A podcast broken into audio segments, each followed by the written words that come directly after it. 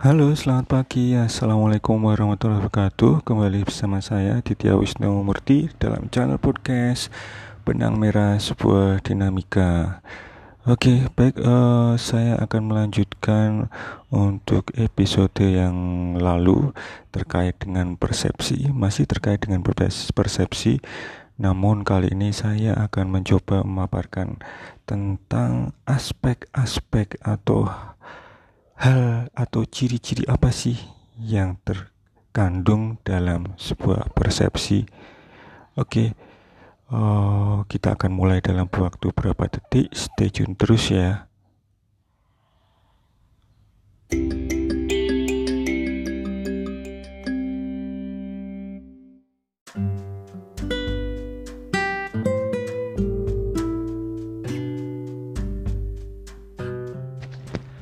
Oke, baik. Uh, bagaimana kabar hari ini? Pasti baik-baik aja ya. Tetap semangat ya, tetap sehat. Uh, ketika Anda kemarin sudah mendengarkan channel podcast saya tentang faktor yang mengaruhi persepsi, kita akan beralih atau mencoba mengetahui dan memahami tentang aspek atau ciri khas dari sebuah persepsi yang istilahnya dianggap relevan dalam kognisi manusia. Oke, saya mulai aja. Ada tiga aspek dalam persepsi. Yang pertama adalah terkait dengan sensory register. Wah, sulit amat pak bahasanya. Ya, oh, ini lebih kepada bagaimana indera itu uh, istilahnya pencatatan indera yang menangkap informasi yang dalam masih yang dalam bentuk masih kasar atau belum diproses sama sekali gitu ya. Jadi ini merupakan satu sistem ingatan yang dirancang untuk menyimpan sebuah rekaman mengenai informasi yang diterima oleh sel reseptor. Sel reseptor itu apa? Sel reseptor itu terdiri dari alat indera organ tubuh manusia, yaitu Nah, Anda pasti tahu, ya benar. Mata, telinga, hidung, lidah, lidah, kulit. Nah, itu pastinya merespon energi dari lingkungan. Itulah yang uh, disebut sebagai uh, pencatatan indera. Lah setelah direkam gitu ya, direkord itu disimpan melalui sensory trace gitu ya. Ada ada tiga karakteristik pencatatan indera atau sensory register ini. Yang memungkinkan sistem itu bisa melakukan fungsi penyimpanan rekaman secara optimal. Yang pertama informasi disimpan di dalam bentuk yang masih kasar. Ya uh, ya seperti yang tadi sudah saya sebutkan ya itu karakteristik pertama. Dan itu juga belum memiliki makna Nah, karakteristik yang kedua dari sensory register ini memerlukan ukuran ruang yang cukup untuk menyimpan informasi yang ditangkap oleh reseptor. Kayak perlu ruang, ada ruang khusus gitu di situ untuk nanti menyimpan informasi. Yang ketiga, karakteristik ketiga adalah informasi yang masuk ke dalam sistem pencatat indera berlangsung dalam waktu yang singkat. Ya nah kalau berkaitan dengan karakteristik yang ketiga ini biasanya pencatatan indera itu berlangsung satu per seribu detik. Jadi kayak mengedipkan data eh mengedipkan data mengedipkan mata gitu ya. Sekali mengedipkan sekali mengedipkan mata jumlah objek yang dicatat itu uh, lebih kurang hampir mendekati 9 buah nah ya gitu ya nah itu karakteristik uh, yang perlu diperhatikan adalah Sistem pencatatan indera itu mencakup lima macam sesuai dengan alat indera kita, yaitu berapa indera? Ya, lima indera. Nah, ada pun karakteristik yang perlu diperhatikan adalah uh, informasi yang disimpan masih dalam bentuk kasar, ada ruang lingkup, dan ada waktu untuk informasi yang masuk dalam sistem pencatatan indera. Nah, gitu ya. Nah, uh, sebenarnya ini ada ada beberapa jenis pencatatan indera gitu ya. Uh, ditinjau dari lima macam indera. Namun akan saya bahas di materi yang selanjutnya. Jadi tetap stay tune terus uh, update terus dan uh, benang merah sebuah dinamika. Oke. Okay. Aspek yang kedua dari persepsi adalah terkait dengan pengenalan pola atau pattern recognition.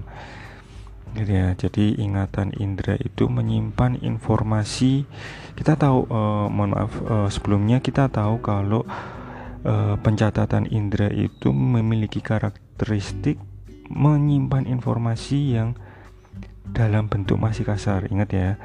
Kemudian belum diproses sama sekali dan belum memiliki makna benar ya. Nah kalau proses atau pengenalan pola atau pattern recognition itu berarti merupakan lanjutan setelah pencatatan indera. Ya, jadi saat merupakan proses transformasi dan mengorganisasikan informasi yang masih kasar sehingga memiliki makna atau arti tertentu gitu ya. Nah, ini kalau pengenalan pola itu seperti melibatkan uh, proses uh, membandingkan gitu ya, membandingkan stimulus indera dengan informasi yang disimpan. Ada banyak teori tentang pattern recognition. Eh, teman-teman uh, kalau masih ingat dia Anda sudah ketahui di psikologi umum saya akan men, uh, saya akan menginfokan hanya satu saja terkait teori pengenalan pola. Apakah itu yang paling benar, Pak? Tidak. Apakah itu yang paling disukai? Tidak. Ya, saya hanya ingin um, silakan Anda baca kembali. Namun saya akan merefresh hanya satu teori saja yaitu tentang teori prototype. Gitu ya teori prototipe salah satu uh, teori pengenalan pola teori prototipe ini uh, kita atau ya kita atau manusia individu itu menyimpan prototipe atau bentuk dasar yang masih abstrak gitu ya dan pola yang ideal di dalam ingatan. Jadi ketika orang melihat stimulus kemudian ia membandingkan dengan prototipe tertentu yang cocok. Jadi pencocokan yang terjadi itu tidak harus sama persis tetapi cukup dengan variasi beberapa bagian kecil saja. Jika pencocokan selesai, maka orang akan mengenal stimulus tersebut. Jika belum cocok, ia akan mencoba membandingkan lagi dengan jenis prototipe lain. Ya. Namun yang perlu diperhatikan adalah prototipe atau bentuk dasar yang di mana itu sifatnya abstrak dan ideal yang ada di dalam ingatan. Nah, kira-kira apa nih? Oh, tulis ya nanti ya, terutama teman-teman mahasiswa saya yang mengikuti kuliah psikologi kognitif. Coba kita bisa diskusikan nanti teori prototipe ini seperti apa contohnya di kolom komentar. Oke. Okay. Baik. Uh, aspek yang ketiga sampai saya lupa gitu. Aspek yang ketiga adalah perhatian. Ya perhatian itu ya kita sudah, tahu uh, ada faktor yang mengaruhi juga perhatian aspeknya juga ada perhatian bahwa persepsi ini kita bisa menuju pada proses pengamatan beberapa pesan sekaligus benar ya seperti itu ya nah, kemudian mengabaikan kecuali hanya satu saja. Dengan kata lain Perhatian itu melibatkan proses seleksi terhadap beberapa objek yang hadir. Kemudian pada saat yang bersamaan pula seseorang atau manusia atau individu hanya memilih satu objek. Sementara objek yang lain pasti diabaikan. Ya itu terkait dengan persepsi gitu ya ya uh, ada banyak teori. Ada banyak teori terkait tentang perhatian namun saya juga uh, anda pasti juga sudah mengetahui di psikologi umum buka kembali bukunya. Karena itu penting, karena saya tidak memberikan semua teori.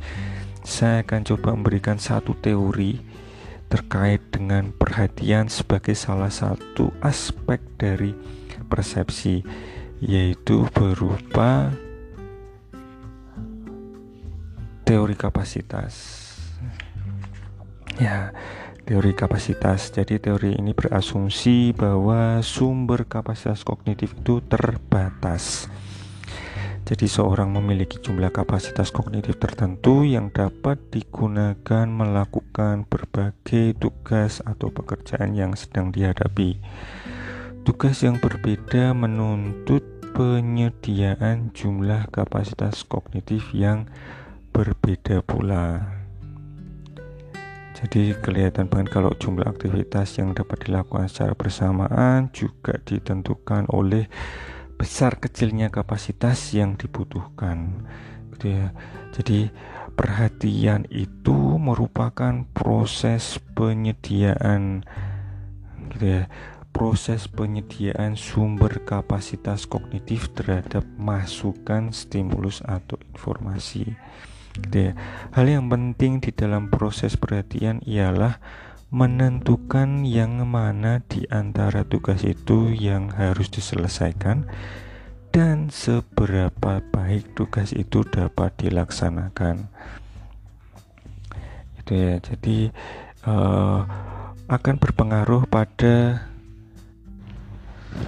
jadi akan uh, dalam dalam implikasinya gitu ya dalam terapannya terlihat jelas kalau teori kapasitas ini melihat bahwa perhatian itu menjadi satu proses untuk menyediakan kayak gitu ya menyediakan satu kepa, kepa, capacity capacity gitu ya satu ruangan-ruangan di mana di mana informasi yang kita perhatikan itu memiliki tempat dalam kognisi manusia. Sehingga dalam melakukan persepsi uh, uh, adanya perhatian informasi yang masuk kemudian dimaknakan gitu ya. Apakah itu positif negatif apakah baik buruk benar salah dan sebagainya. Nah itu ya. Jadi uh, uh, ya saya rasa itu saja yang saya informasikan Terima kasih atas perhatian, tetap sehat, tetap semangat. Uh, stay tune terus di channel podcast saya, Benang Merah Sebuah Dinamika. Sampai ketemu lagi. Selamat pagi. Assalamualaikum warahmatullahi wabarakatuh.